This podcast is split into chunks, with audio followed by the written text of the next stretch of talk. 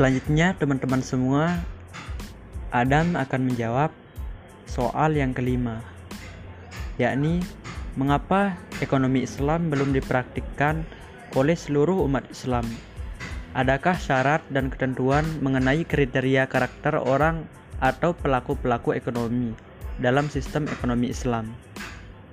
Jadi, menurut saya, masih banyak umat Islam yang belum mengerti sistem ekonomi Islam dan memilih ekonomi konvensional seperti ekonomi sosialis atau ekonomi kapitalis dan banyaknya pejabat yang bukan beragama Islam yang menyuruh umat Islam untuk tidak menggunakan sesuai hukum syariat Islam. Ekonomi syariah adalah cabang dari ilmu pengetahuan sosial yang mempelajari tentang masalah-masalah ekonomi rakyat yang diilhami atau didasarkan dengan nilai-nilai Islam seperti keadilan, akidah, akhlak, dan syariat.